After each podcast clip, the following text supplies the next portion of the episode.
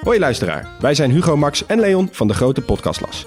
Wij zijn drie geografen en elke week behandelen wij een ander land. We bespreken onder andere de geschiedenis, politiek, natuur, maar ook de sport, de muziek en natuurlijk het eten. De nijlpaarden van Pablo Escobar, de vele bunkers van Albanië en het verschil tussen een sheik en een emir zijn zomaar wat voorbeelden die langskomen.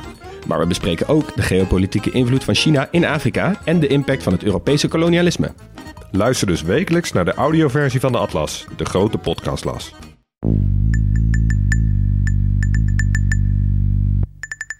Mona Keizer zegt, uh, er zijn ook kroonprinsessen. Oh ja, maar ik vind ook niet... Uh, kijk, uh, het zijn nooit alleen mannen, dat vind ik ook. Dus dat, dat geldt, deze samenleving bestaat uit mannen en vrouwen.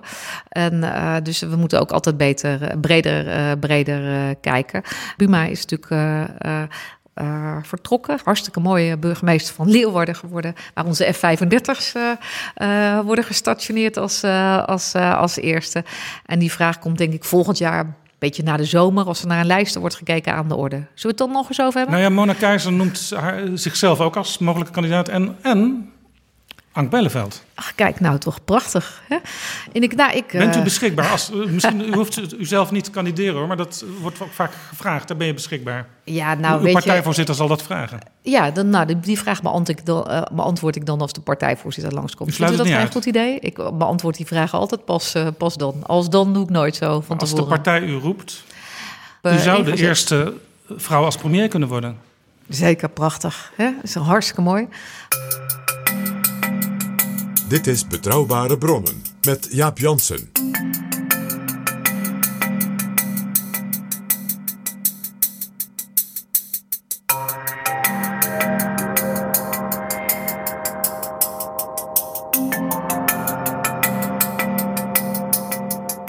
Hallo, welkom in Betrouwbare Bronnen, aflevering 59.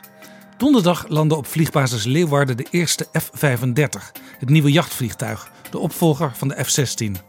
En komende week behandelt de Tweede Kamer de begroting van Defensie. Een mooi moment om te gaan praten met de minister van Defensie, Ank Bijleveld.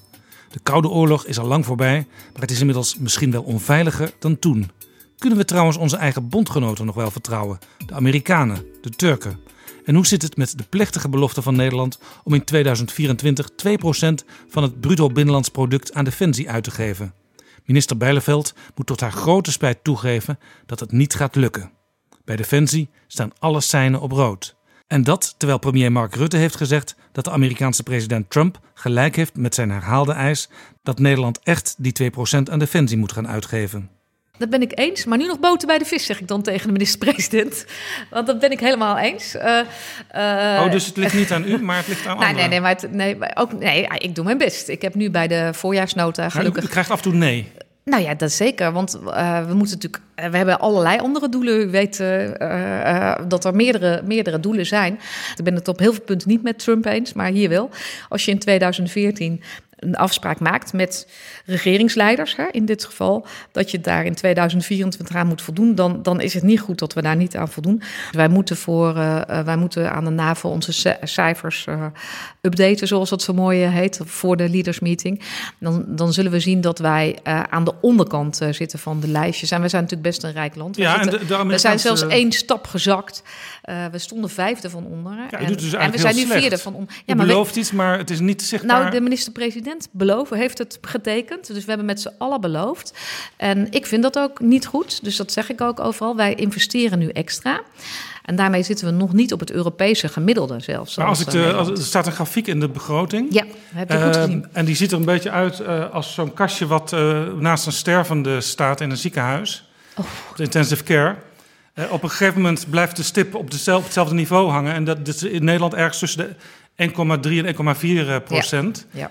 ja. Uh, en zelfs in 2024, als het op 2% moet staan volgens de ja. uh, Wales-belofte, ja, die, officieel door Nederland is, is getekend, door de minister-president, zegt u. Zelfs in 2024 staat het nog op datzelfde lage niveau. Dan staat het op het hoogste niveau, dat is 1,41 geloof ik. ja, maar het moet 2% zijn. Zeker, ik ben het helemaal met u eens, dus dat is niet goed, dat zeg ik ook gewoon.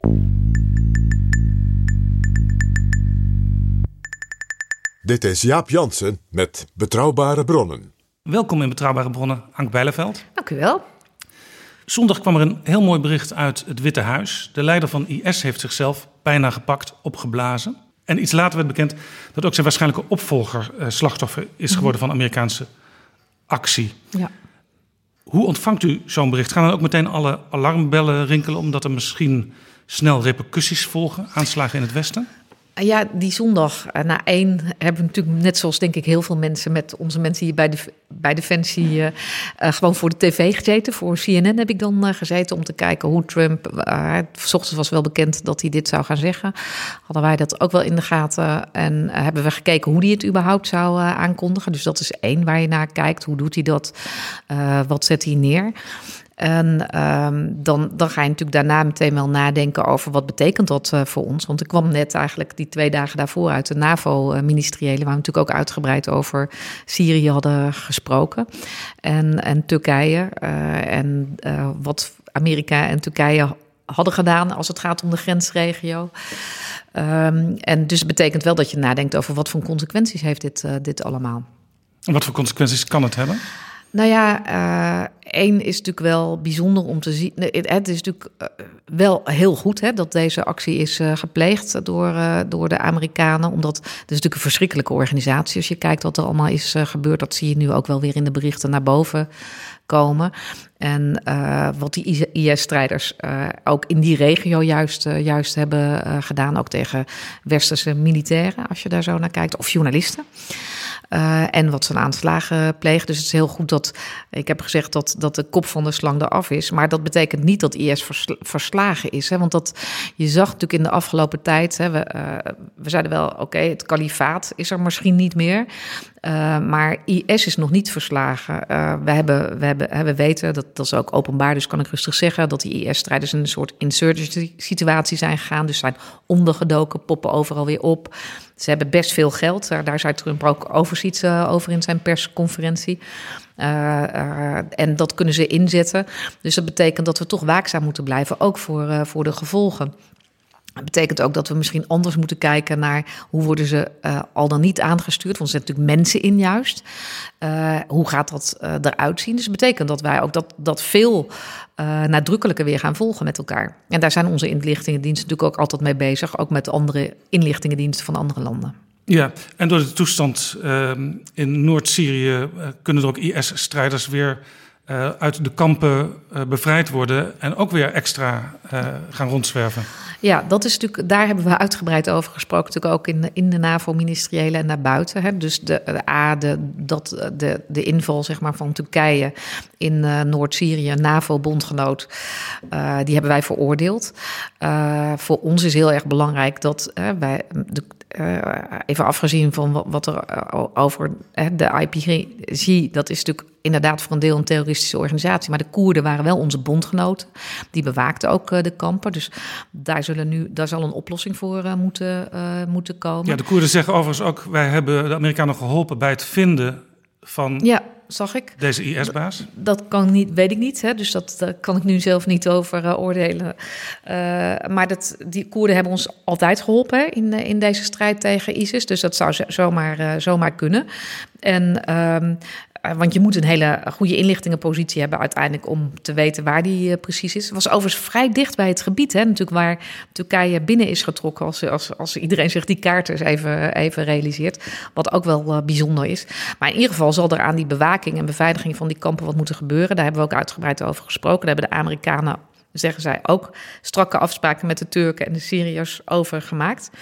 Nou, laten we dat maar. De situatie wijzigt nog steeds van uur tot uur hè, daar in de regio. Wij volgen, uh, volgen dat. En we moeten natuurlijk daar ook op voorbereid uh, zijn.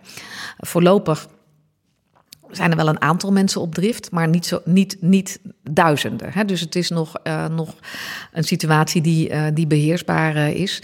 Voor ons geldt natuurlijk dat wij de Nederlandse foreign terrorist fighters, uitreizigers, dat wij die, die goed in beeld hebben. Dat mijn collega van JNV daar ook natuurlijk nadrukkelijk op let. Maar dat heeft dan meer met onze eigen veiligheid hier te, laten, ja. te maken. Ne Nederland zegt die IS-strijders moeten in de regio, vooral in Irak, mm -hmm. berecht worden. Ja. Irak zegt, al zouden wij willen, dat kan gewoon niet, want het zijn er te veel. En ook de Amerikanen en Janine Hennis, de, de VN-gezant in Irak, zeggen: nee, het is veel verstandiger als de landen hun eigen strijders berechten. Maar u houdt vol, dat willen we niet. Ja, wij hebben als, als kabinet, hè, uh, uh, hebben wij als lijn, la, laat die mensen nou juist daar berecht worden, maar dan in, in, in, met een internationaal tribunaal of in bredere zin. Uh, dat is ontzettend, ontzettend van belang, juist omdat het ook daden zijn die daar gepleegd zijn. Hè. dus dat, is, dat is onze lijn. En, ehm, en inderdaad willen we dat niet, maar het is ook best wel ingewikkeld, juist door de onveiligheid. Hadden het net over die lastige veiligheidssituatie daar. überhaupt om maar te denken dat je zomaar makkelijk mensen terug kan, kan halen, omdat het is echt gewoon een heel onveilig gebied. Maar als het, het nou is nu nog wel onveiliger geworden dan het was. Hè. Dat moet, moeten we ons ook realiseren. Kijk, de Amerikanen hebben zich natuurlijk teruggetrokken. Die, die bewaken nu, hebben ze gezegd, nog alleen de olievelden. Uh, dat heeft natuurlijk een andere aanleiding hè, dan, uh, uh, dan, de strijd tegen, dan de strijd tegen ISIS. Um, de Fransen hebben ook geen boots on the ground meer. Hè, dus de, die, ook die zijn teruggetrokken. Dus dat betekent dat, dat we daar ook in de anti-ISIS-coalitie met elkaar nog eens wat uitgebreider over moeten gaan. Maar als Irak nou zegt, wij kunnen het niet aan, dan is het vaak toch heel groot dat die mensen uh, vrij gaan rondlopen op een bepaald moment. En dus ook weer bij ons in Amsterdam of in Den Haag op de stoep staan. Nou ja, dat soort vragen, uh, want dat is, dat is dan een hypothetische vraag. Die zou ik nu nog maar even liever niet willen uh, beantwoorden. Nou, u moet wel met alles rekening Zeker, houden. Zeker, wij houden altijd met alles rekening. Daar kunt u van, van op aan. als het gaat om, want dan, als, dan haalt u Nederlandse uitreizigers aan. Hè, daar is de situatie wel wat anders. Daar, alleen het uitreizen is al strafbaar hè, in, in Nederland. Betekent dus als ze, bijvoorbeeld, nu hebben we als beleid, als ze een Nederlands consulaat of een ambassade, meestal het consulaat in Erbil bereiken of iets in Turkije, ja, dan kunnen ze wel terug, maar dan worden ze meteen vastgezet in, eh, dan komen ze terug, worden ze teruggehaald, worden ze meteen vastgezet in de cel, omdat het uitreizen strafbaar uh, is. Voor anderen geldt dat als paspoort, hè, de, de paspoorten worden ingenomen, staan ze gesignaleerd in het Schengen informatiesysteem. En dat betekent dat ze, dat ze uh, ook niet zomaar makkelijk meer terug kunnen. Hè? Dus, dat, uh, dus uh, in die zin is ons systeem er wel op gericht om ze helemaal in beeld te hebben. Maar wacht even, als er een IS-strijder aan de grens staat en door Schengen wordt. Als het een Nederlander is, hè? Want dan en ga ik Schengen zegt, die zit in ons systeem. Gaan we die persoon dan terugbrengen? Of, of gaan we nou, die dan toch die in de, Nederland Als hij aan de grens staat, dan wordt hij gewoon dan opgepakt. Hè? Dus dat, uh, dat is helder. Uh, maar het is niet zo makkelijk om te reizen als je geen paspoort hebt. Dat is het punt. En dat, dat, dat is de essentie van de, van de signalering. Wij zullen altijd, want dat uh, gewoon alleen het uitreizen is al straf. Want dan heb ik nog helemaal niet over daden gepleegd. Hè? Die, de, die dan dat is de reden waarom wij zeggen dat kan, kan Irak of de regio veel beter beoordelen. Dat kunnen wij zo maar niet makkelijk beoordelen. Buiten dat het geen veilige situatie uh, is. Maar alleen het uitreizen is al strafbaar in Nederland. Dat hebben we ook gezien aan een aantal vrouwen die natuurlijk wel terug zijn uh, gekomen. en die zijn natuurlijk ook meteen vastgezet. Dus u zegt tegen Janine Hennis: Ik begrijp wat je zegt, maar we gaan het toch niet doen, Janine. Ja, maar dat zeggen we met de hele regering. Ook onze minister-president uh, zegt dat. En, en het is natuurlijk een andere verantwoordelijkheid ook uh, die Janine Hennis heeft, die ik overigens goed begrijp. Ik uh, ben ook in Irak geweest, heb toen ook met haar gesproken toen ze pas net was. Ik begrijp heel goed dat natuurlijk de situatie uh, menselijkerwijs, want daar had zij het over in dat, in dat NRC-gesprek, dat die heel ingewikkeld en lastig is. Zij had het over die situatie. Uh, maar wij houden gewoon vast aan de lijnen op dit moment, met overigens veel meer landen hè, die, dat, uh, die dat doen. Ik heb er ook met mijn Franse collega nog over gesproken, hoe belangrijk dat is dat we dat samen doen. Wezen hebben we wel, zijn wel teruggekomen, zoals u weet, en dat hebben de Fransen ook gedaan. Ja. Heeft u altijd een mes bij u? Nee. Want uw oud-collega van Defensie, Jim Mattis. Ja. Uh, daar is een boek over verschenen, althans geschreven door zijn voormalige Ja. speechschrijver. En Mattis die zegt: Always carry a knife with you, just in case there is cheesecake, or you need to stab someone in the throat. Ja, ik, ik heb heel veel bewondering voor Jim Mattis. Ik vond het echt verschrikkelijk dat hij... Uh, hij is uh, hè, uiteindelijk... Nou ja, hoe precies, weet ik niet. Maar hij had destijds kritiek op, uh, op de Syrië-politiek van, van president Trump. Hij vond dat er niet teruggetrokken moest worden in Syrië. Ja, hij zei ook, ik, ik kan u op deze manier niet langer dienen. Zoek een minister ja. die u wel kan dienen. Ik vond het een prachtige brief die hij heeft geschreven. Ik heb hem zelf ook geschreven, want ik, wij, ja, we konden eigenlijk heel... We gingen heel goed met elkaar. Ik, kijk, ik ben zelf heel erg van, dat was hij ook, van concreet proberen te zeggen wat je dan kunt betekenen. Wat je kunt doen ook als NAVO of als uh, bondgenoten die in een anti-ISIS-coalitie zitten. En dat was hij ook. En hij had natuurlijk een berg aan ervaring ook uh, in te brengen als oud-marinier. Ik heb samen met mijn adjudant uh, hem nog het boek over 350 jaar, daar was hij heel blij mee, mariniers gegeven toen het in het Engels vertaald was. Maar ik vond dat hij daar een punt in had. ik heb in die zin geen mes bij me. En ik hoop ook altijd maar dat het alleen over cheesecake gaat dan en, en niet over andere dingen. Maar dit is wel iemand die we echt missen aan de Amerikaanse kant. in die twee jaar dat ik er nu zit ben ik nu aan mijn vijfde Amerikaanse minister van Defensie uh, bezig. En uh, ja, dat, dat zorgt natuurlijk ook niet voor uh, want wij zitten er net twee jaar, 26 oktober. Zorgt natuurlijk ook niet voor, voor stabiliteit. Dat maakt het ook onvoorspelbaarder om samen uh, te werken. En ik heb daar toen ook wat over gezegd toen hij aftrad. Hij heeft me overigens ook teruggeschreven. Ehm, hè, dat, hij, dat hij het vanuit die kant ook voor het staan voor zijn mensen jammer vond. Um, maar dat hij voor zichzelf geen andere optie zag op dat moment. Nee. Het is ook niet altijd duidelijk hè, als een Amerikaanse minister van Defensie op dit moment iets tegen u zegt, dan kan het een paar dagen later weer anders zijn. Ja. Nou ja, dat is zeker zo. Daar heb ik wel in het openbaar iets over. Uh, over ja, want ik begrijp dat u uh, ja. van Mark Esper nog had gehoord, de, de, ja. de, nieuwe, de huidige minister van Defensie. Ja. Uh, nee, wij blijven in Syrië. En twee dagen later bleek het toch heel anders te zijn. Zeker. Ik heb Mark Esper gesproken. Dat geldt overigens voor de andere collega ook. Die, die, die, daar waar ik de afgelopen dagen weer zo mee gesproken heb. Ik had hem inderdaad telefonisch gesproken, onder andere over Syrië. En toen zei hij, nee, we blijven echt daar in Syrië. En daarop uh, volgde, uh, ik geloof drie dagen later, maar ik, kan mis zijn, een tweet van uh, president Trump, die toen iets heel anders, anders zei. En dat maakt wel dat het onvoorspelbaar is. Hè? Dus de, de wereldpolitiek is zeg maar in die zin is, de, is, de, is onvoorspelbaarder geworden. Um, en dat betekent ook dat wij dus zelf ook anders daarnaar moeten, uh, uh, moeten kijken, anders op moeten kunnen. Uh, kunnen en dit is dan een bondgenoot, sterker nog onze belangrijkste bondgenoot. Dit is de grootste NAVO-bondgenoot, grootste NAVO-partner, waar de minister van Defensie niet wist wat zijn president zou, ging zeggen een paar dagen later. Nou, nu hebben wij geen president, maar wel een minister-president. Dat zou hier onvoorstelbaar zijn dat dit, dit gebeurde. Overigens uh, denk ik dat ik het zelf, als het zou gebeuren, zou ik het niet accepteren van, uh, van de minister-president. Uh, dan zou ik denken, dan zoekt u inderdaad, net zoals Jim Mattis zei, dan zoekt u maar een, maar een ander voor deze klus. Want dat kan niet. Dit soort dingen, dit soort grote besluiten. Want dat is het toch, hè? En ook afspraken die wat betekenen voor bondgenoten. waar, waar die dan ook nog zei... ja, de Koerden zaten niet in Arromanche bij zijn, bij zijn persconferentie. Nou ja, wat is dat voor een gekkigheid, hè? Um, ja, dat zou ik zelf niet accepteren. En dat, nou ja, in die zin uh, lijk ik dan meer op Metters, eh, denk ik, dan uh, op de huidige minister. En toen, toen die, hele, zeg maar, die hele machtsbalans verstoord werd per tweet, toen dacht iedereen meteen: oh, wat gaan de Turken doen? En de Turken die besloten Noord-Syrië in te vallen. Ja, ja, die, die besloten dat meteen. Uh, en dat is ook een bondgenoot. Die zit ook samen met ons in. En dat is ook een bondgenoot. En dat is ook, de, dat is ook het, vind ik zelf, het ingewikkelde aan, uh, aan aan dit verhaal. Dat een NAVO-bondgenoot een ander land binnenvalt. Dat, dat, is, een, dat is een unilaterale actie overigens trouwens. Hè? dus die, uh, die wij uh, veroordeeld hebben. Ik heb dat ook zelf gedaan. Ik heb met de minister-president hier het Kamerdebat uh, gedaan. Als minister van BZ en Defensie. En ik heb in het NAVO-ministeriële dat ook luid en duidelijk gezegd. Ook naar buiten toe. Met me veel meer collega's. Dat dat zo absoluut niet kan. Zeker als je kijkt naar hoe we met elkaar zijn opgetreden.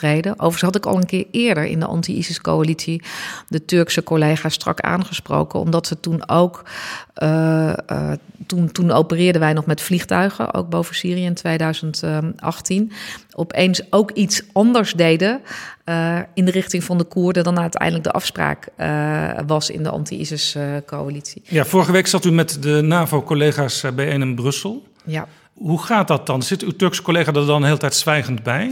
Nee, helemaal niet. De Turkse, kijk, ik mag uit zo'n vergadering niet. Uh, dat is jammer voor u, hè? Ik mag niet uh, uit mag de vergadering. zwijgt. dat mag wel, ja. Nee, maar hij praatte, dus dat is geen punt.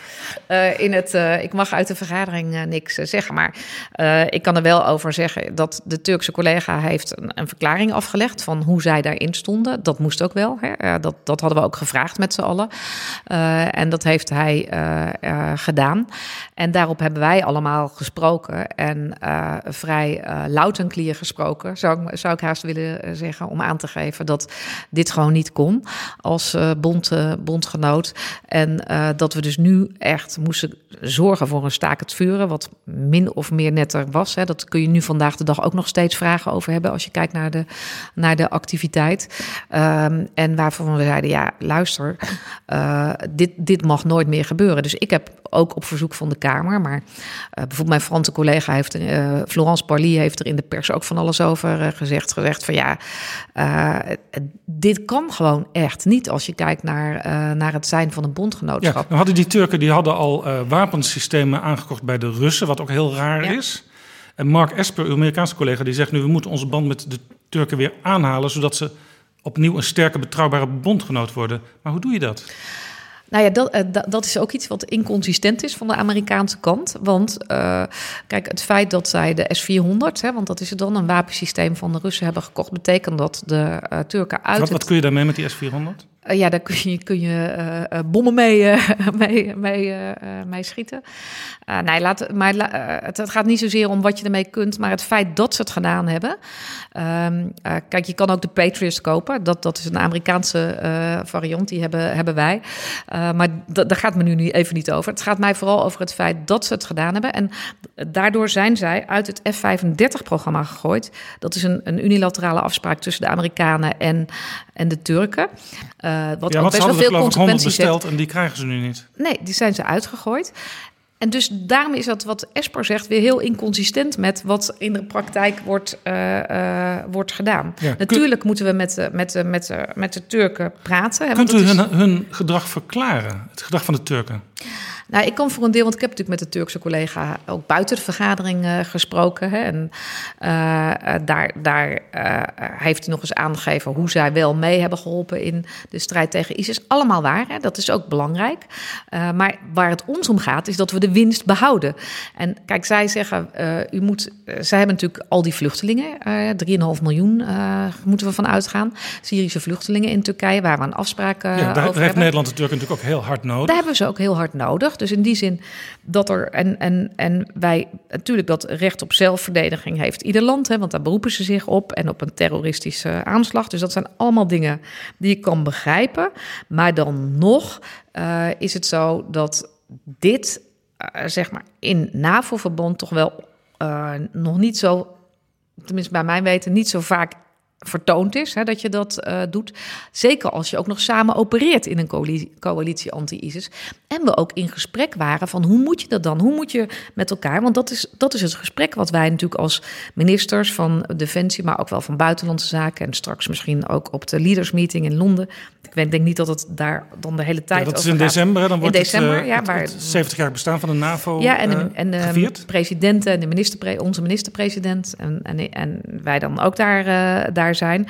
Maar als je in gesprek bent over wat moet je doen om te stabiliseren met elkaar, om te behouden wat, wat, wat je hebt uh, behaald aan winst met elkaar.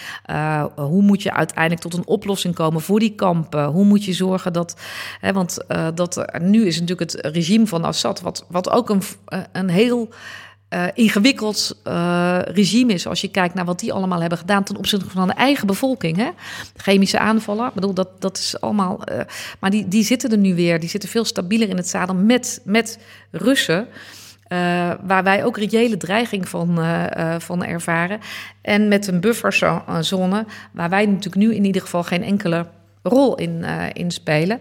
Dus dat betekent dat we nu weer een hele andere situatie hebben om vanaf nul weer te kijken naar de toekomst. Er zijn ook veel mensen die zeggen: die Turken zijn zo onbetrouwbaar als NAVO-bondgenoot, gooi ze eruit. Uw eigen partijgenoot Martijn van Helvert, Kamerlid van het CDA, ja, zeker. die zegt: je moet schorsing overwegen. Ja, dat kan niet. In de, dat, dat, dat debat heb ik met de minister-president eh, gedaan. Dat, dat, daar heeft de NAVO helemaal geen, uh, geen middelen voor. Dus wat ik nu heb gedaan is. Uh, en dat heb ik ook, er staat ook in het verslag wat wij uh, hebben gemaakt. Ik heb gezegd, nou jongens, we hebben eigenlijk helemaal geen sanctiemechanisme. Dus hoe moeten we dat nou doen? We, het enige wat we hebben is dat we elkaar kunnen aanspreken. Dat is wat we hebben. Uh, zo zit dat uh, verdrag in, al, in, elkaar. En dan moet je van elkaar uh, op elkaar kunnen bouwen. Dus ik heb A, kritisch natuurlijk veroordeeld wat er was. En ik heb de, de zorg van de Kamer, die wij ook deelden. Hè, want dat, dat, dat hebben zowel de minister-president als ik gezegd, heb ik overgebracht. En ik heb ook aangegeven hoe daarop gereageerd is. En, en ik heb gevraagd, denk daar nu met elkaar eens over na... of we dat niet iets voor moeten hebben. Nou, dat zal zeker een vervolg krijgen, maar zo heb ik het kunnen doen, want dat is het enige wat je kan doen op dit moment. Ja, uw, uw Duitse collega uh, Annegret Kamp-Karrenbauer, uh, uh, die is voorstander van een zone in Noord-Syrië, ja. waar NAVO-landen ook een rol kunnen gaan spelen. Nederland zou daar bijvoorbeeld ook aan mee kunnen gaan doen. Bent u daar klaar voor? Uh, nou, het zijn twee dingen. Zij heeft inderdaad in de NAVO-vergadering voorgesteld of wij niet zelf, hè, dus niet, niet zoals nu de Turken, maar als we niet met meer landen een soort internationale vredestabiliteitsachtige missie moeten, moeten hebben in dat uh, gebied. Daarvan heb ik gezegd, nou, ik vind het goed met meer collega's hoor, dat een Europese partner nu, want het is dicht bij ons allemaal hè, waar het gebeurt. Turkije, Syrië. Turkije is een vakantieland voor Nederlanders. Hè.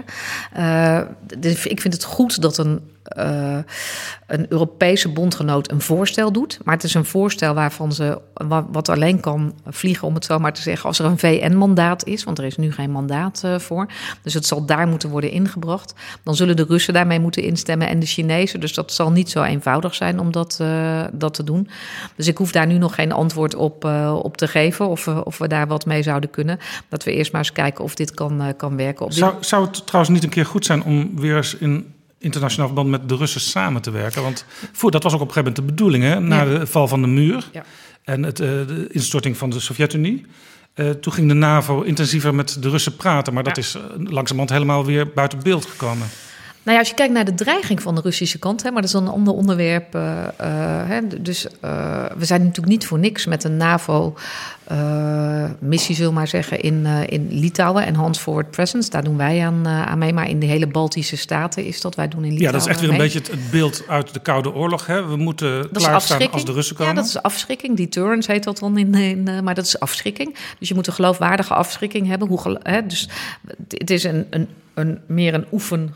Ja, nee, maar toch even. Als we, ja, maar dus, dus ik wou zeggen, ja. ik, ik zal uw vraag beantwoorden. Dus we, dat is enerzijds afschrikking, maar anderzijds moet je wel degelijk ook praten. Dus ik denk, ons beleid moet gebaseerd zijn op dialoog en deter. Dus het is twee dingen uh, wat mij uh, betreft. Dat betekent ook het gesprek uh, aangaan. Ik zie hier nu, hier moeten we natuurlijk nu ook praten met, met de Russen. En kijk, wat natuurlijk gebeurd is, is dat uh, Poetin natuurlijk, je ziet dat hij zijn, zijn, uh, zijn, zijn macht, of, of in ieder geval zijn aanwezigheid in de, deze regio nu uitbreidt. En dat komt natuurlijk door, de, door het terugtrekken van de Amerikanen en de inval van de, van de Turken.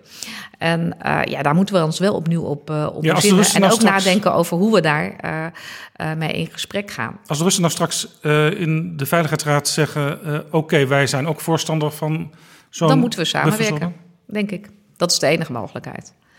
Maar ik denk dat we nog niet zo ver zijn dat, uh, dat, dat we daartoe komen. Maar ik ga ervan uit dat de Duitsers hun voorstel daar ook zullen doen. Nou had ik in Betrouwbare Bronnen uh, 54, een paar weken geleden, Christ Klep te Ja. gast. En die speculeerde al op Ja, uh, heb het moment dat Nederland gevraagd zou gaan worden om iets te gaan doen daar in Noord-Syrië. Mhm. En hij zei, ja, dat, dat zou Buitenlandse Zaken misschien wel willen... maar Defensie kan dat gewoon niet aan. Defensie is uitgeput, het materieel is in slechte toestand... er zijn grote personeelstekorten, vaak op cruciale functies. Ja. Een groot deel van de krijgsmacht moet opnieuw worden uitgerust... en eerst weer oefenen. Daar heb je nog wel twee jaar voor nodig... dus de komende twee jaar kunnen wij dat gewoon niet. Ja, ik heb dat wel eh, gehoord en ik dacht, nou, dat, dat eh, ging me dan weer iets te ver. Eh, kijk, ehm, eh, maar dat is een mooie brug om ook iets te zeggen over waar we nu, eh, waar we nu staan. Kijk, dat we. eh, want grootschalig kunnen wij dat niet. Daar heeft hij gelijk in. Hè? Want ik ben niet voor niks gestopt in Mali met, met de mis- missie MINUSMA. Ja, daar waren wel Om- omdat- 400 eh, Nederlanders Ja, actief. zeker. En omdat, we, omdat de landmacht, hè, want het ging om de landmacht, omdat die uiteindelijk moest, moet herstellen.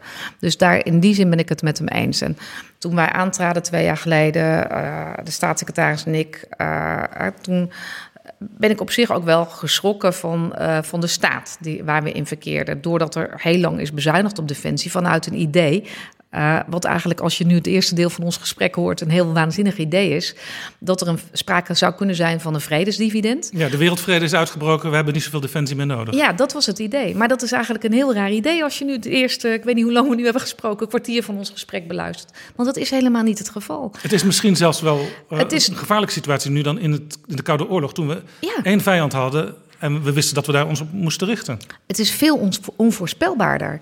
En je ziet dat de bondgenoten, waar wij uh, natuurlijk mee samenwerken, want, want de NAVO is een bondgenootschap. En dan als je daar lid van bent van dat bondgenootschap, dan hou je aan afspraken, dat die ook onvoorspelbaarder zijn. Daar hebben we net over gesproken. Je ziet de dreiging aan de Russische grens, die is reëel. Als ik met mijn Litouwse of mijn Estse collega's spreek, dan voelen ze tot in de haarvaten.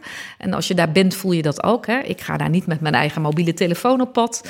Hè? Alleen om, om, om te weten hoe het is met, met wat er gebeurt met fake news, met, met, met hacken, met, uh, met anders met, met uh, cyberaanvallen.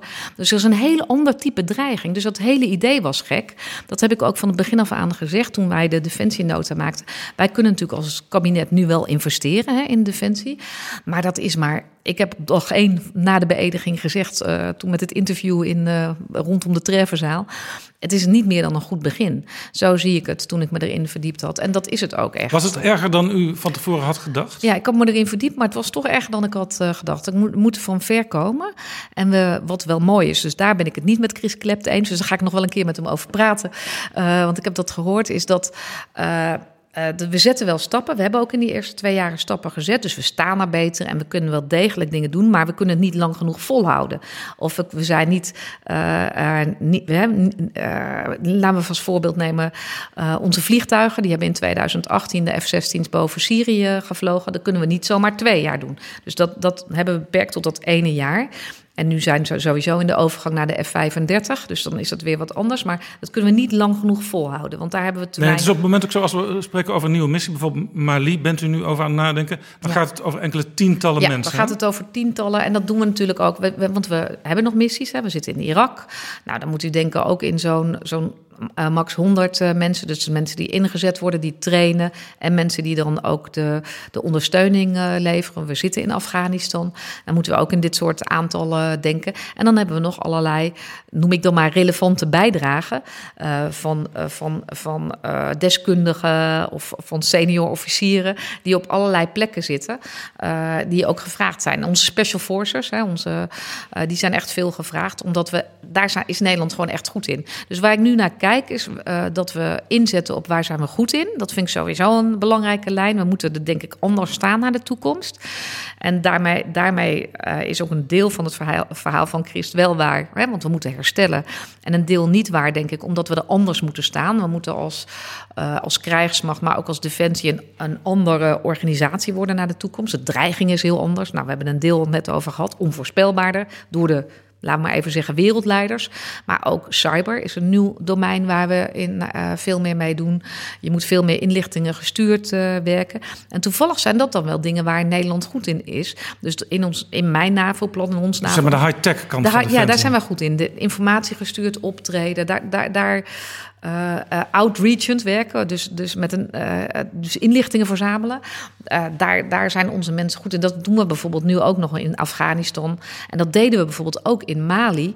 daar hebben we een hele module over inlichtingen verzamelen voor de Force Commando opgezet. Die hebben we zo opgebouwd dat we die gelukkig konden overdragen aan de opvolgers. Want ja, dat werd, werd anders wel gemist buiten de andere. Gaan we nu weer terug met een kleine missie naar Mali?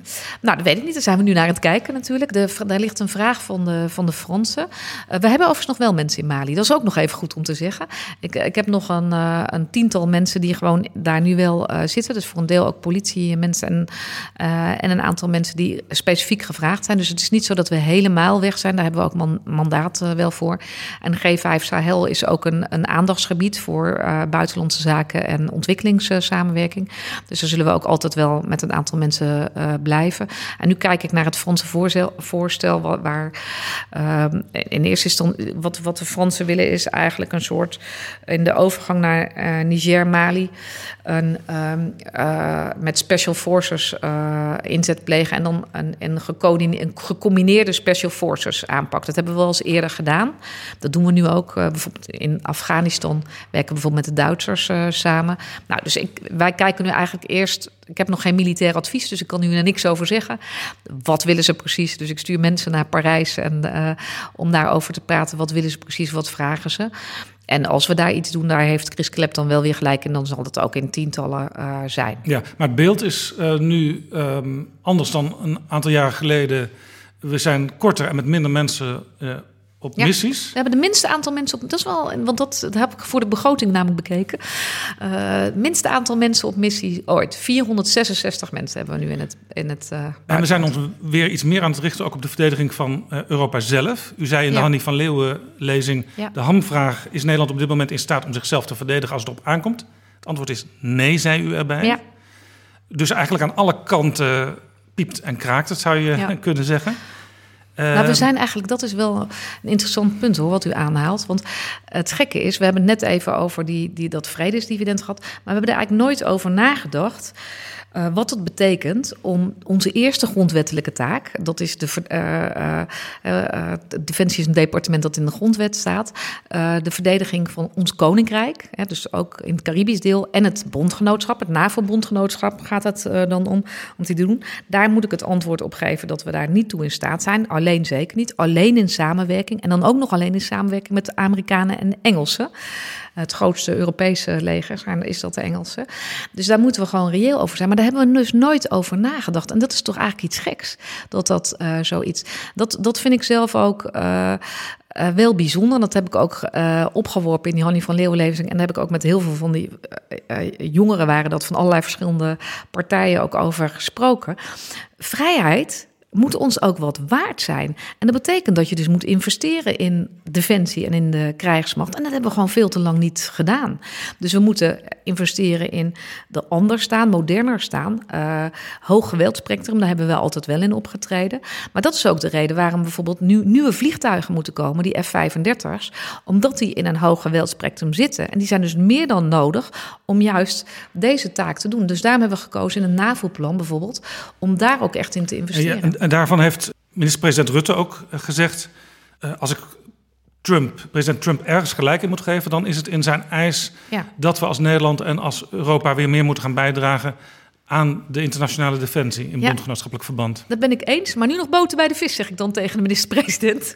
Want dat ben ik helemaal eens. Uh, uh, oh, dus het ligt niet aan u, maar het ligt aan nee, anderen? Nee, nee, maar, het, nee, ook, nee, ik doe mijn best. Ik heb nu bij de voorjaarsnota gelukkig... u, u krijgt af en toe nee. Nou ja, dat zeker. Want uh, we moeten natuurlijk. Uh, we hebben allerlei andere doelen. U weet uh, dat er meerdere, meerdere doelen zijn. Dus ik ben dat helemaal eens. Ik ben het ook eens dat Trump op dit punt buiten wel een echt reëel punt heeft. Als je in 2014 een afspraak maakt. Ik ben het op heel veel punten niet met Trump eens, maar hier wel. Als je in 2014 een afspraak maakt met regeringsleiders, hè, in dit geval, dat je daar in 2024 aan moet voldoen, dan, dan is het niet goed dat we daar niet aan voldoen. Dat zal een belangrijk onderwerp zijn, dat heet dan burden sharing op, uh, op de leaders meeting, dus die, waar we in Londen in begin, uh, begin december. En uh, ja, wij, wij investeren als kabinet wel veel extra. Hè? Dus, uh, ja, je ziet, een, uh, je, ziet, ziet echt 30 procent meer dan een aantal jaren geleden. Hè? Dus we hebben nu zo'n 10,6 of 11 miljard. Kijkt een ligt een beetje aan naar, naar wat je meetelt. Ehm, maar laten we zeggen 11 miljard. maar als we aan 2 procent moeten voldoen, dan moet er nog 6 miljard bij ongeveer. Dus dan moet, gaat het om 17 miljard wat we moeten investeren. Dus dat is bijna een verdubbeling van, van de begroting als je er zo naar, naar kijkt. Nou, daar zitten we echt nog lang niet aan. Maar wat wel belangrijk is, wij moeten, voor, uh, wij moeten aan de NAVO onze cijfers updaten, zoals dat zo mooi heet, voor de leaders meeting. Dan, dan zullen we zien dat wij uh, aan de onderkant zitten van de lijstjes. En we zijn natuurlijk best een rijk land. We, ja, zitten, en de, we zijn zelfs één stap gezakt. we stonden vijfde van onder. Ja, en, dus en, we zijn nu slecht. vierde van onder. Ja, maar belooft we, iets, maar het is niet zichtbaar. Nou, de minister-president beloven, heeft het getekend. Dus we hebben met z'n allen beloofd. En ik vind dat ook niet goed. Dus dat zeg ik ook overal. Wij investeren nu extra. Uh, 5,5 miljard uh, aan het begin van de periode. En nu in, de, in de, mijn huidige begroting is het zo dat er nog 3,5 miljard tot 2030 bij komt. Uh, maar dat is um, 162 miljoen is daarvan structureel. Dus dat is te weinig om uiteindelijk structureel erop te houden. En daarmee zitten we nog niet op het Europese gemiddelde zelfs. Maar als ik de, als, er staat een grafiek in de begroting. Ja, heb je goed Uh, gezien. en die ziet er een beetje uit uh, als zo'n kastje wat naast een stervende staat in een ziekenhuis. Oh. De intensive care. Uh, op een gegeven moment blijft de stip op, dezelfde, op hetzelfde niveau hangen. En dat, is in Nederland ergens tussen de 1,3 en 1,4 procent. Ja. Ja. en zelfs in 2024, als het op 2% moet staan volgens de ja. Wales-belofte... ja, die, die officieel door Nederland is, is getekend, door de minister-president, zegt u... Zelfs in 2024 staat het nog op datzelfde lage niveau. Dan staat het op het hoogste niveau, dat is 1,41 geloof ik. Ja, maar het moet 2% zijn. Zeker, ik ben het helemaal met u eens. Dus dat is niet goed, dus zeg ik ook gewoon. Ja, dit is het enige... Uh, maar is dat dan, een, neemt u dat uw... Uh, collega's kwalijk, want u bent ervoor en zij zijn, zeggen, zeggen nee, ja, nee, zijn wij voor, zijn, zijn natuurlijk wel een bredere zin voor, maar we moeten het altijd afwegen tegen andere prioriteiten. Maar uh, maar zegt, maar zegt u dan ik, eigenlijk... Ik, ga, ik probeer overal uh, aan te geven, en nu ook via u, dat het belangrijk is juist om uh, in deze veel onvoorspelbare tijd om te investeren. En niet zozeer, want dat wil ik wel wegnemen, omdat ik per se vind dat we 2% moeten halen. Maar die 2% die is gebaseerd op een dreigingsanalyse. En we hebben het aan het begin gehad over, over wat we nu zien in de wereld. Dat, uh, dan, dan wordt die dreigingsanalyse nog aangescherpt.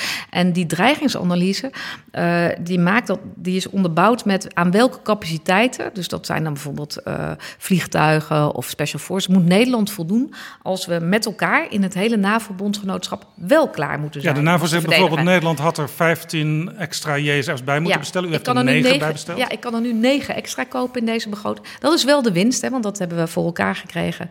Dat we nu wel echt extra geld ook weer krijgen. Dus dat is uh, 461 miljoen is dat in, in uh, 2024. Ja. ja, dat zei Rutte ook op een bepaald moment tegen uh, president Trump. Hè? En wees blij, want er zit stijging in onze grafieken. Ja, en veel stijging. Maar als maar Trump inmiddels genoeg... naar, de, naar die begroting kijkt, dan ziet hij weer dat rare beeld van dat puntje ja. wat maar op hetzelfde niveau nou ja, dus dat zal, zal zeker een gespreksonderwerp uh, zijn. En uh, wat mij betreft is helder. Ik sta daarvoor niet zozeer omdat ik per se een, uh, een, een dogma-denker ben in 2%. Maar omdat ik echt reëel denk, wat ik ook in de Hannie van Leeuwen-lezing heb gezegd, dat wij niet toegesneden zijn op ons. Wij kunnen het gewoon niet, nu, als Nederland. We kunnen het als bondgenootschap nu ook niet, omdat we niet allemaal nog de goede capaciteiten hebben. En we kunnen het ook nog alleen maar als de Amerikanen er zijn. En als je dan kijkt naar wat er gebeurt in Rusland bijvoorbeeld, hè, uh, dan, dan, dan, dan staan daar in Kaliningrad raketten die je vanaf de grond kunnen, uh, nou, in ieder geval Berlijn kunnen bereiken, tussen de 500 en 5500 kilometer kunnen vliegen. Ook met kernkoppen. En het INF-verdrag is ter ziele gedragen.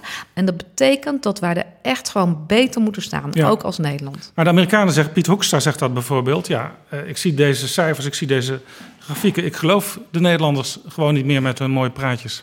Nou ja, kijk, hij kan wel geloof hechten aan dat we extra investeren. Want dat kan die, uh, kan die, uh, kan die zien. En dat, uh, dat, dat gelooft Piet Hoekstra ook wel. Want die ziet ook wel dat het echt ook wel om veel extra geld gaat. maar dat het niet genoeg is, dat is waar. Maar het is niet alleen geld trouwens. Dat moeten we nog wel even zeggen. Ja. Want anders dan is er een misverstand over. Dus het is dus geld. Maar het gaat ook om die capaciteiten waar we net over hadden. Daar doet Nederland het wel goed. En onze investeringsquotum is ook echt goed. Dus dat is ook een van de beoordelingsaspecten. Ja, dat klopt. Want het idee dus 23 procent. Ja, en wij zitten nu op 23. Uh, ja, en de Amerikanen zeggen ook altijd... Nederland, wat Nederland doet, dat doen ze goed. in het algemeen heel goed. Ja. Maar en, nog, nog even, hè. De, de 2024 is over uw huidige ja. regeerperiode heen. Um, maar het kan natuurlijk zomaar zijn dat u nog een periode uh, eraan vast.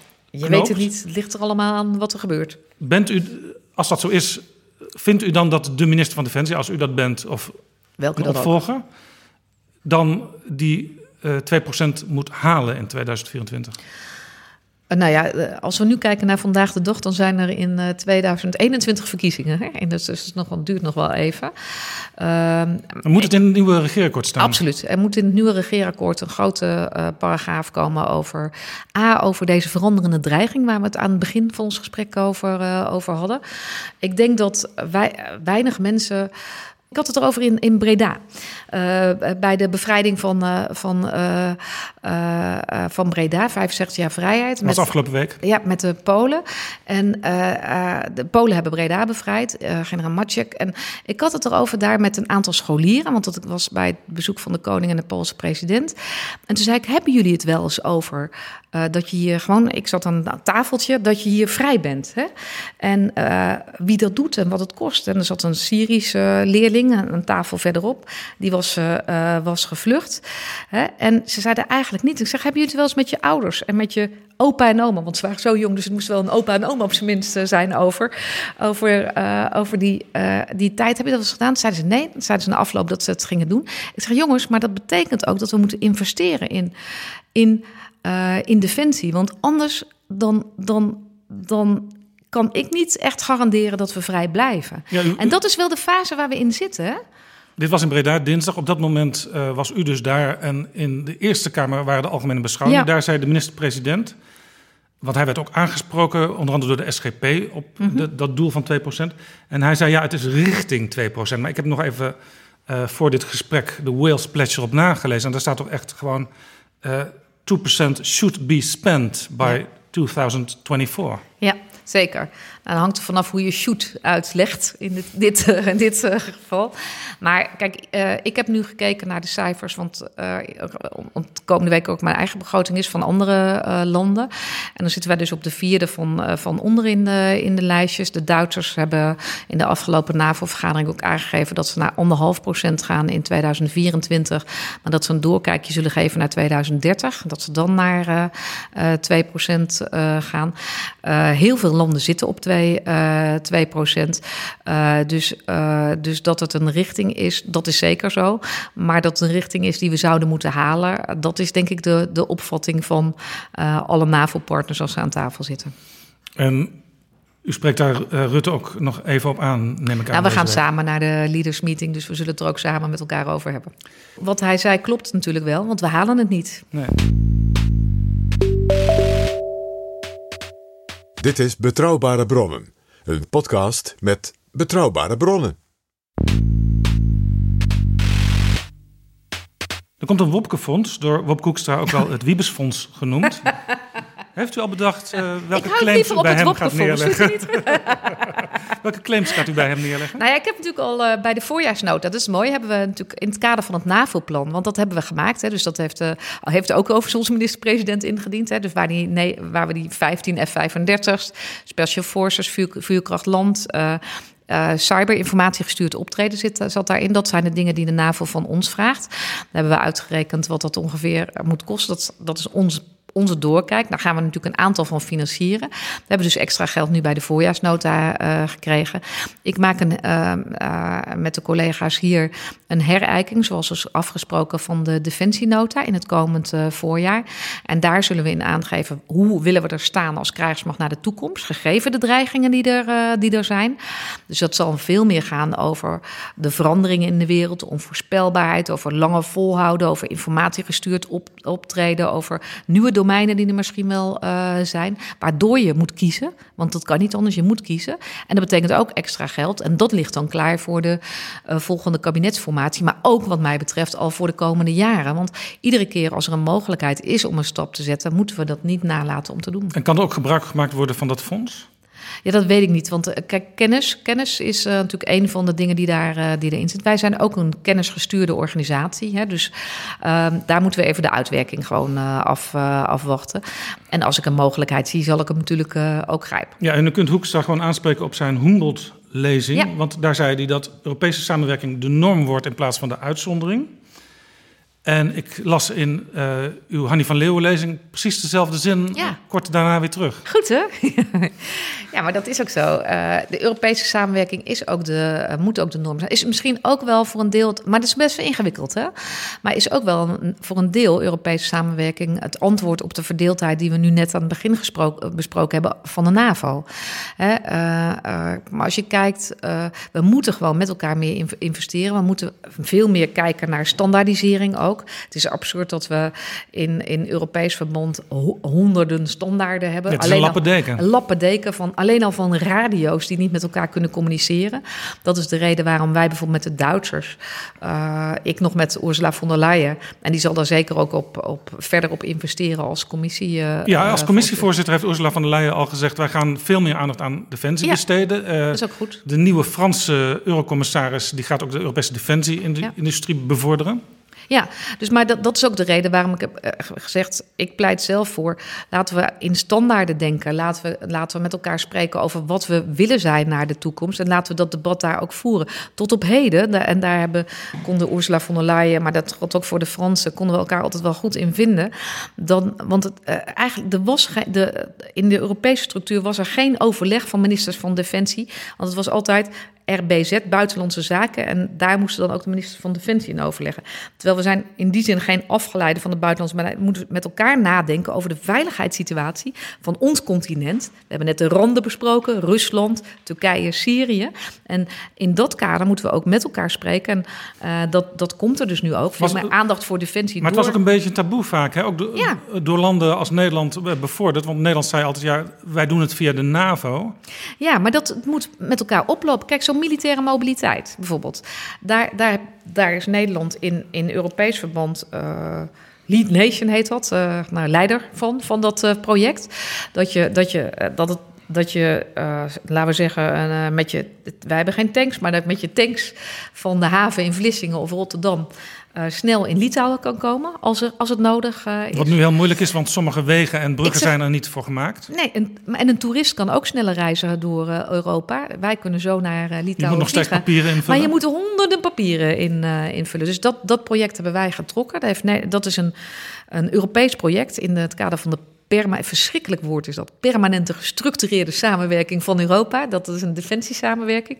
Dat hebben wij getrokken. Het is het enige project wat overigens goed loopt. We hebben minder papieren. We hebben een single point of contact in alle Europese landen. Nou ja, dan moeten natuurlijk... We, hebben geïnventariseerd wat er versterkt moet, eh, eh, moet worden. Uh, maar daarvan heb ik toen gezegd, dat moet gelijk oplopen met de NAVO. En dat hebben we dus een, NAVO-EU-samenwerking van gemaakt. Ik denk, we kunnen elkaar versterken als we het goed doen. Door ook te kijken naar standaarden kunnen we elkaar versterken. En dan kunnen we met dit soort projecten ook. doen we ook met het S-project over cybersecurity. Daar kunnen we Europa en NAVO elkaar versterken. Dus zo moeten we ernaar kijken, wat mij uh, Toch keek u een beetje vies toen uw uh, collega Kajsa Olongeren ineens ging pleiten voor een Europees leger. Ja, ik moest die vragen beantwoorden, dus in de Kamer. Dus uh, ik heb niet alleen vies gekeken, maar ook gewoon wat over gezegd. want het was wel grappig, want ik moest voor de vervanging toen opkomen omdat zij er niet was. nou, zij heeft dat als D66er bij een Deense lezing, geloof ik, gezegd. Dat kan ik me voorstellen. En ik ken natuurlijk ook de nota van mevrouw Belhai. Maar wat, ehm, wij zijn niet voor een Europees leger, maar dat is iets anders voor een Europese krijgsmacht. We hebben ook geen NAVO-leger of NAVO-krijgsmacht. Maar ik ben wel voor verregaande samenwerking. Dus eigenlijk een kwestie van woorden als je dat is een, hebt ja, over een Europees leger. Ja, want, want hier gaat het dus echt om, vind ik, uh, het uh, gezag over de zwaardmacht. En, uh, en, en die moet bij het Nederlandse parlement liggen. Uh, we, want als je dit al zou willen doen, dan moet, dan moet er een echt Europees defensiebeleid zijn. En dan moet het Europees parlement of anderszins daarover gaan. Nou, wij zijn een soeverein land en wij moeten zelf hier beoordelen of wij onze mensen willen inzetten.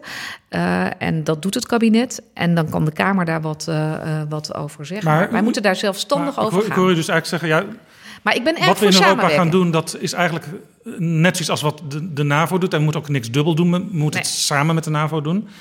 Het interessante is, de NAVO heeft natuurlijk het fameuze artikel 5. Hè? Ja. Als één land wordt aangevallen, dan uh, zijn de bondgenoten die staan paraat om ja. te helpen. Uh, Zo'n artikel staat ook in het verdrag van Lissabon, artikel 42.7. Ja. Verplichte bijstand. Dus uh, misschien nog wel sterker dan het in artikel 5 van de NAVO staat. Ja. Nee, zeker. Uh, bij het NAVO-bondgenootschap is het natuurlijk eigenlijk de grondslag van het NAVO-bondgenootschap, als je er goed naar, uh, naar kijkt. En voor ons als Nederland is dat ook nog altijd de, de hoeksteen van ons beleid. Er zitten natuurlijk ook veel Europese bondgenoten in het, of Europese bondgenoten, Europese landen in het NAVO-bondgenootschap. Maar zeker staat er ook zo'n zo'n artikel in het verdrag van Lissabon. En daar, daar, de, de Fransen hebben die wel eens aangehaald hè, uiteindelijk om ook hun inzet uh, te verantwoorden. Uh, daarvan moeten wij dan zeggen, daar moeten we dan met z'n allen over eens zijn ook. Hè. Dus dat, dat is nog net iets anders geformuleerd. Dus daar zit, zit wel iets anders in elkaar qua structuur. Ehm, ik hou me toch zelf maar vast aan het NAVO-bondgenootschap, omdat we daar vaste procedures, vaste militaire operaties in hebben. En de EU is gewoon echt zo niet ingericht. Nee, er is nu het Europees Interventie-initiatief. Ja. Dat is bedacht door eh, president Macron van Frankrijk. U heeft een tijdje geleden uh, al de daarbij betrokken landen uh, ja. ontvangen. Dat zijn er negen, er komen er nu nog twee bij. Ja.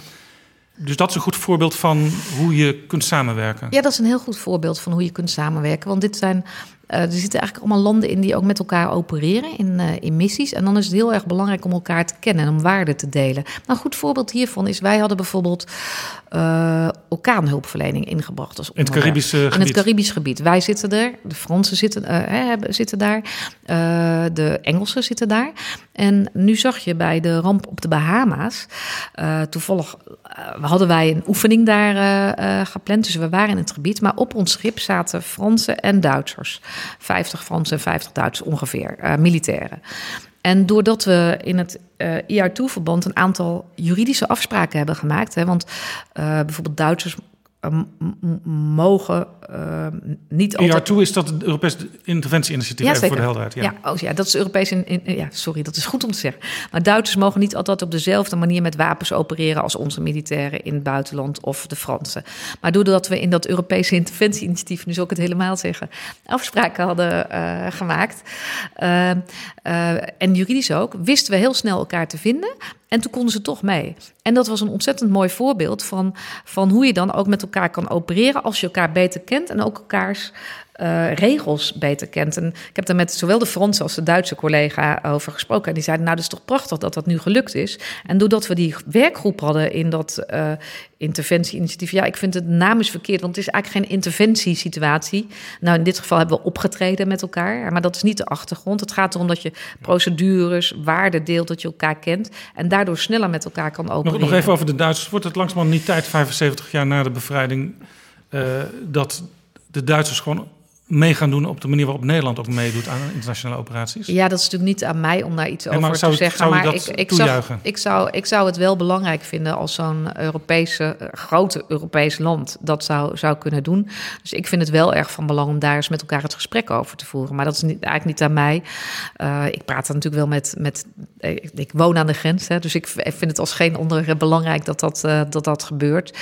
En uh, zeker is het zo dat we 65 jaar bevrijding ook moeten moeten, aangrijpen om met elkaar te kijken naar de toekomst. En als je kijkt naar de toekomst, dan kunnen we het alleen samen doen. Dus dan hoop ik ook echt dat de Duitsers andere verantwoordelijkheden gaan oppakken. Ja, de Duitsers hebben en trouwens... dat is ook wel de reden waarom ik trouwens het voorstel van mevrouw Kramp-Karrenbauer... Uh, over uh, in de NAVO, over laten we dan samen kijken naar zo'n veiligheidsregio. Ik zeg dat betekent dan ook wat voor jullie. Uh, zeg maar in die zin positief heb bejegend, omdat dat misschien ook een beetje het andere denken aangeeft. Ja, omdat de Duitsers dus nog wat andere, een wat andere houding soms hebben. En de Britten met de, de Brexit nu zitten. Leidt dat er eigenlijk toe dat Frankrijk nu langzamerhand de natuurlijke leider wordt binnen Europa? Nou ja, wat je ziet is, kijk, als het gaat om. Uh, ja, de, de, de Brit zitten er nog. Hè, dus die zie ik. had mijn collega uh, Ben Wallace in Helsinki. Dat is een nieuwe collega, want ook daar heb ik al vier of, vier, vier of vijf ministers zien langskomen in die twee jaar. Die uh, in Helsinki was, die hadden we een, een Europees gesprek met ministers van, van Defensie. En toen zei ik, nou, misschien is dit je eerste en je laatste keer. Maar hij, uh, hij zei afgelopen week bij de NAVO tegen mij: ik ben er nog steeds. Uh, en, um, maar wat, wat. Zouden de Britten niet gewoon een wat, standing invitation moeten hebben voor al deze vergaderingen? Voor Europese. Voor de Europe, kijk, ze zijn natuurlijk een NAVO-bondgenoot. En voor de Europese kant, daarom ben ik, vind ik het van belang dat ze in zo'n interventie-initiatief meedoen. Wij doen zelf aan het Joint Expeditionary Force mee. Ze zitten ook in de Northern Group. He, dus dat we goed contact met hun houden. Want het is het grootste Europese krijgsmacht, is de Engelse. En als je kijkt naar de waarden die we delen, dan, dan, dan, dan zijn dat gezamenlijke waarden. Ook in ons optreden. Dus ik vond het, dat heb ik ook altijd gezegd. Uh, ik, ja, uh, voor ons is het echt wel een natuurlijke bondgenoot in de samenwerkingskant in Europa die, uh, die vertrekt. Gelukkig zijn ze NAVO-bondgenoot. En daarom probeer ik dat ook bij elkaar te, te houden. En daarom vind ik het zelf ook belangrijk dat, en dat zag je afgelopen week ook wel weer bij de NAVO, dat, dat Federica Mogherini erin heeft geïnvesteerd, de, de hoge commissaris, buitenlandcommissaris van Europa, erin heeft geïnvesteerd om bij de Te zijn. En Stoltenberg omgekeerd om in ieder geval één van de Europese vergaderingen van de minister van Defensie uh, bij te wo wonen. Zodat je daar ook meer parallel kan optrekken. Ja, want er zijn ook landen die uh, wel in de ene club zitten, maar niet in de andere club. En die mogen toch soms bij elkaars vergaderingen aanwezig zijn. Ja. Dat, dan worden ze uitgenodigd. Hè. Je ziet bij de, bij de NAVO, zag je dat uh, ook met de, de Zweden en de Finnen. En die zitten natuurlijk aan de rond van Rusland en zijn zeg maar min of meer een neutrale, uh, neutrale zone. Maar die worden dan wel uitgenodigd. Zodat we met elkaar kunnen spreken op een deel van de vergadering. Hè. Niet op het geheel, want niet natuurlijk op, op de delen waar we echt met elkaar dingen moeten bespreken en bepalen. Ja, ik lees in uw begroting dat u weer tanks wil gaan kopen. Maar die... staat, staat, toch niet zo in de begroting, dacht ik. Maar die waren toch juist wegbezuinigd? staat u, heeft u dat, uh, dat moet u dan nog eens aangeven waar het staat. Een van de, uh, ik, er staat niet dat ik tanks wil gaan kopen. We doen nu, we hebben inderdaad uh, geen tanks op dit moment. We, doen, we hebben wel gemeenschappelijk tankoptreden met de Duitsers. Overigens heel interessant, hè? want de, de tanks zijn van de Duitsers. En ja, die worden als het ware geleased. Nou, nee, we werken er samen in. Gewoon, we leasen ze niet eens. Het is gewoon helemaal Duits-Nederlands. Dat is heel interessant om te zien. Dus ook als het gaat om de samenwerking, is dat een interessant punt. En de, de, de, de IT, of de, de technologie die erin zit, die is Nederlands. Want die komt van Thales. En het is interessant om, uh, om te zien. Nou, wat er in, uh, in de begroting staat, is dat, dat, dat zat ook in ons NAVO-plan. dat vraagt de NAVO ook van ons. We moeten meer vuurkracht hebben. En vuurkracht kan van alles zijn. Hè? Dus dat, uh, dat kan ook zo zijn dat we uh, andere, andere bewapening op, uh, op de wel panzervoertuigen die we hebben zetten. maar als je spreekt met onze militairen in, in Litouwen, dan zeggen ze ja, wij hebben eigenlijk echt grotere vuurkracht nodig. En uh, dat is ook een van de vragen die de NAVO aan ons uh, stelt. Of het dan nou per se tanks zijn, dat kan het zijn. Maar we moeten in vuurkracht investeren. Ja, en dat maar... geldt op land, maar ook maritiem. Dat is denk ik ook goed om te weten. Ook onze schepen moeten meer vuurkracht ja, hebben. Nee, maar ik dacht eigenlijk toen ik het las... In dat tank staat er niet zo letterlijk in, maar je nee. zou het zo kunnen vertalen. Zeker. Beetje raar, op een bepaald moment bezuinig je. Dan stoot je allerlei zaken af, vaak voor een te lage ja. prijs. En een jaar of 10, 15 later ga je toch weer iets soortgelijks aanschaffen. Ja, maar dat heeft ook wel weer heel erg te maken met waar we het al even over hadden. Er is natuurlijk te veel bezuinigd op defensie. En als je kijkt naar gewoon, kijk, want die vuurkracht, hè, of wat het, wat het dan ook voor middel is, laat ik dat zo even zeggen. Maar die vuurkracht is gegeven de dreiging meer dan nodig. Dat geldt maritiem uh, en dat geldt ook op land, dat we meer, uh, meer moeten hebben. En uh, ja, die bezuiniging heeft er diep ingehakt.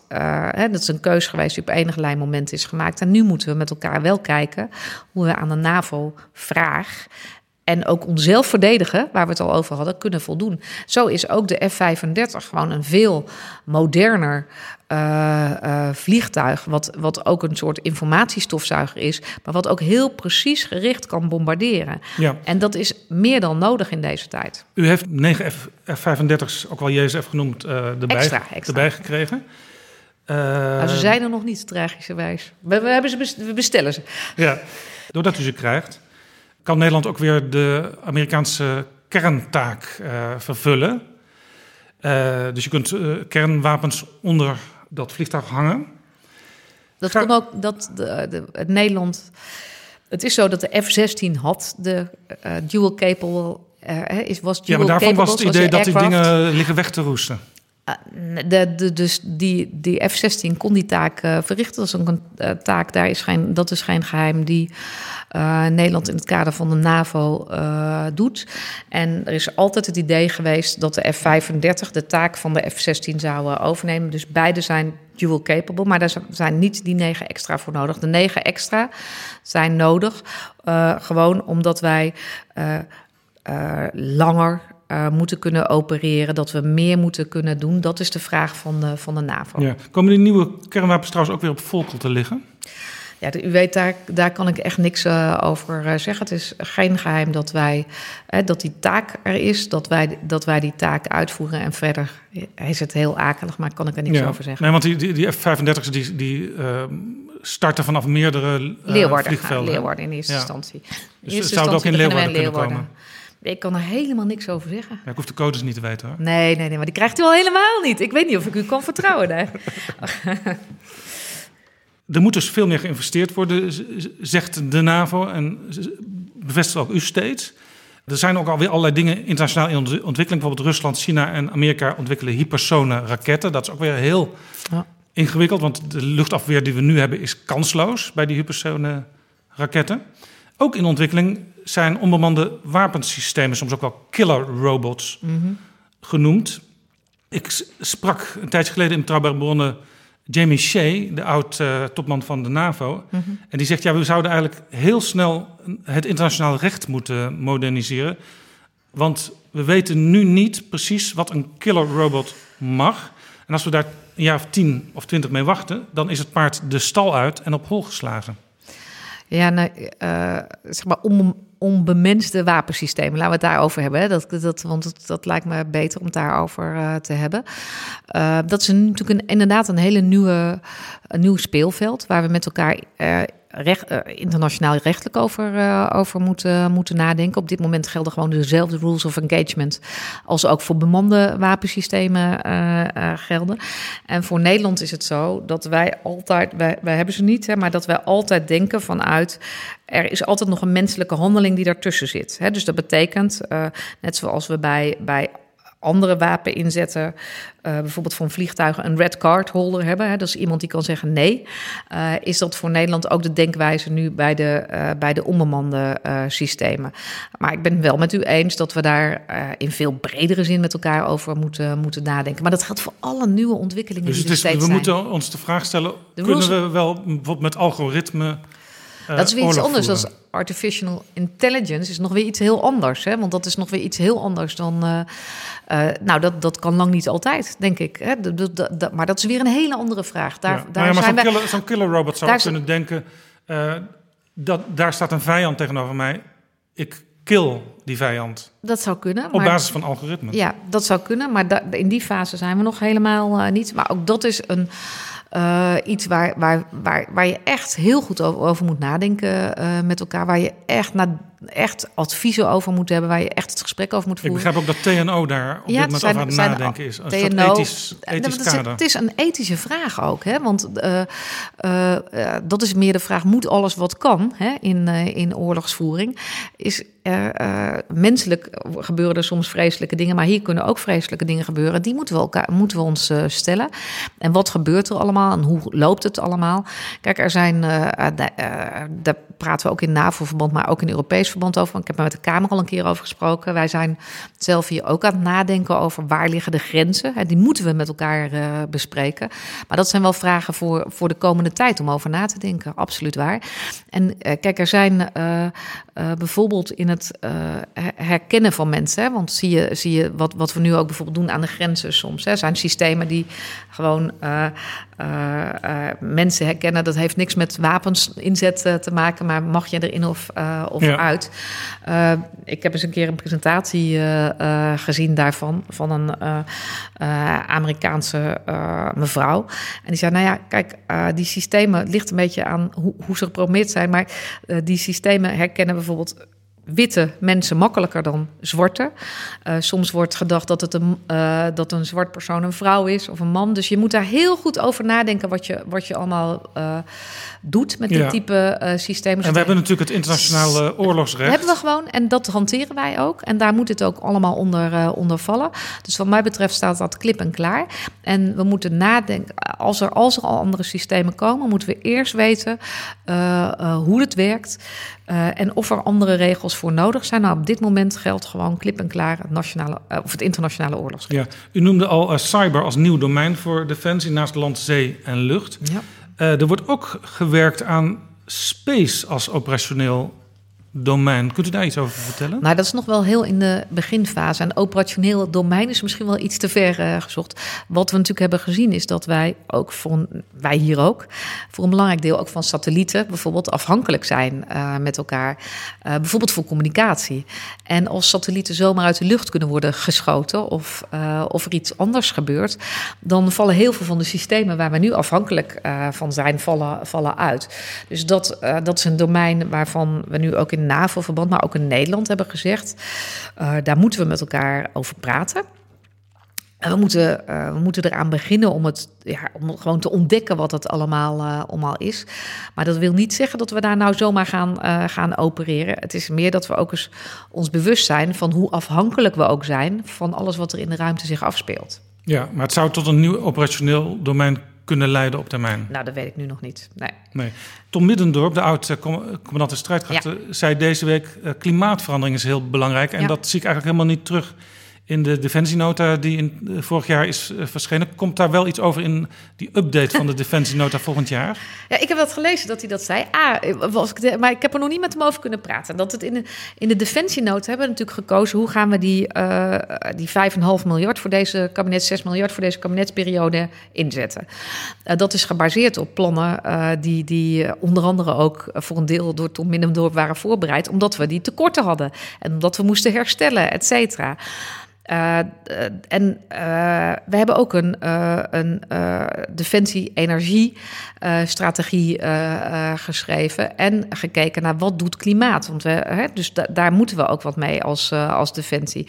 Maar je kan niet alles tegelijk, zeg ik dan maar even via u tegen Tom Middendorp. Ik vind het een belangrijk terrein, want klimaat doet ook wel degelijk wat in de regio's waar we opereren.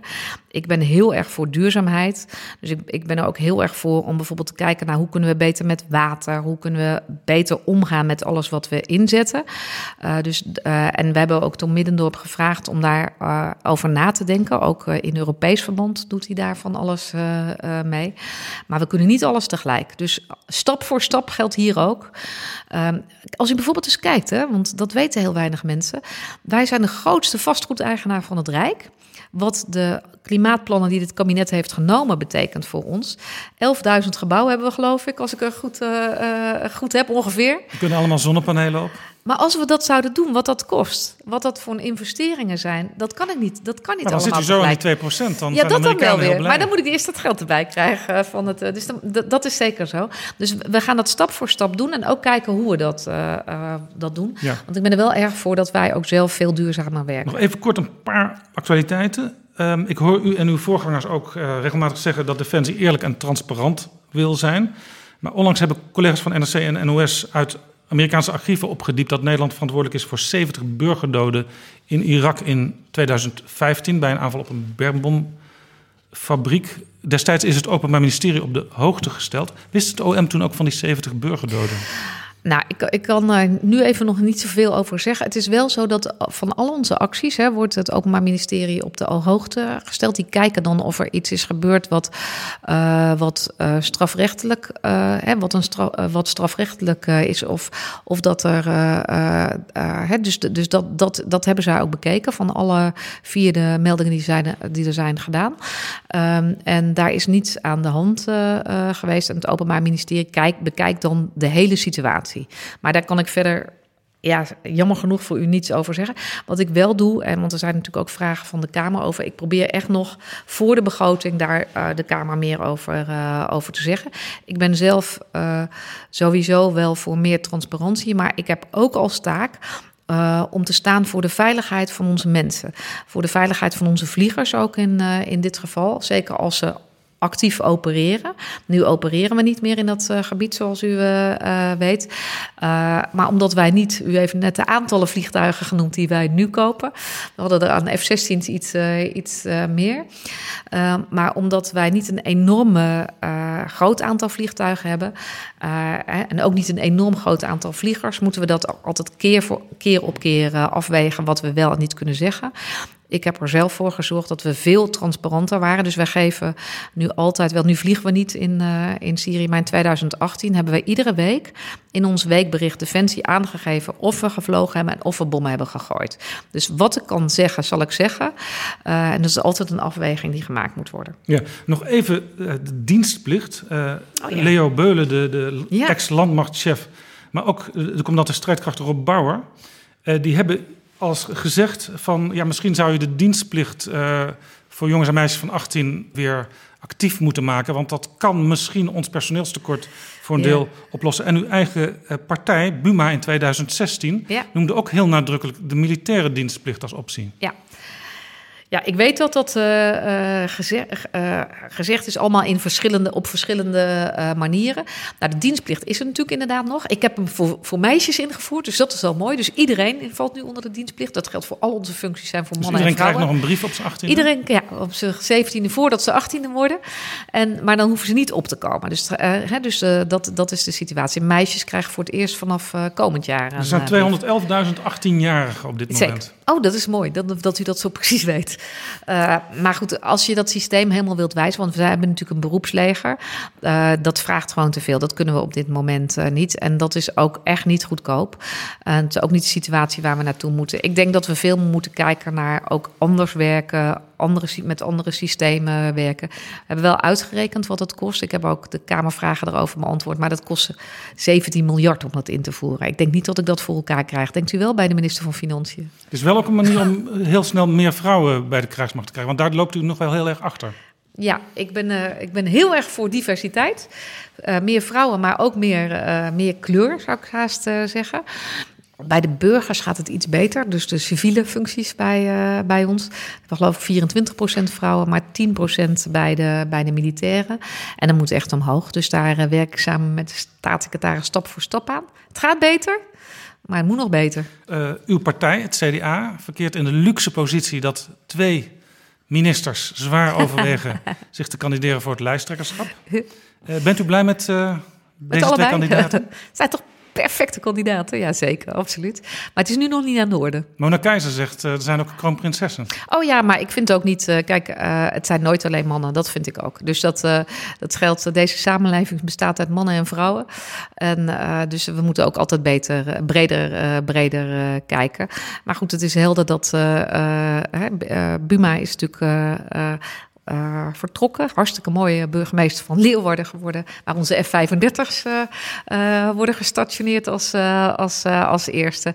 En die vraag komt denk ik volgend jaar een beetje na de zomer, als er naar een lijst wordt gekeken aan de orde. Zullen we het dan nog eens over hebben? Nou ja, Mona Keizer noemt haar, zichzelf ook als mogelijke kandidaat. En, en Ank Belleveld. Ach, kijk, nou toch prachtig. Hè? En ik, nou, ik, Bent u beschikbaar? Als, misschien, u hoeft u zelf niet te kandideren hoor, maar dat wordt ook vaak gevraagd. Dan ben je beschikbaar. Ja, nou, Uw weet partijvoorzitter zal dat vragen. Ja, dan, nou, die, die vraag beantwoord ik, dan, uh, beantwoord ik dan als de partijvoorzitter langskomt. Vindt u dat een goed idee? Ik beantwoord die vragen altijd pas, uh, pas dan. Als dan doe ik nooit zo van Als tevoren. de partij u roept... Nou, weet je bent u... een trouw partijsoldaat? Ja, dat is goed, hè? Dat is altijd goed. Ja, alleen maar een soldaat. Dat is niet goed. Ik ga voor generaal dan, vindt u niet? nee, het is niet de vraag die nu aan de orde is. Maar ik, wat ik wel heel mooi vind, dat we in een positie zitten dat we gewoon meerdere kandidaten hebben. Welke partij heeft dat? En allemaal goede kandidaten. En dat is wel heel mooi. Het CDA staat daar, vind ik, goed voor. Met goede inhoudelijke punten en goede mensen. Ik bedoel, dat, dat, is, dat mag wel gezegd worden, uh, toch uh, ook via u. En uh, in die zin hebben we echt weer een hele zou, grote weg naar boven. U zou de eerste vrouw als premier kunnen worden. Zeker, prachtig. Hè? Dat is hartstikke mooi. Maar die vraag beantwoord ik toch niet via u nu. Dank u wel. Graag gedaan. Gesprek.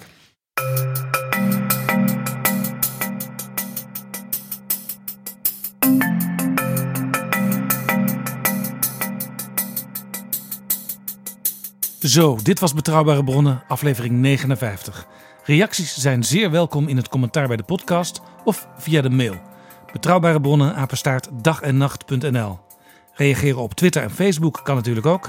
Wil je adverteren of sponsoren? Neem dan contact op met Flip Kilian Adams. En dat is flipapenstaartdagennacht.nl.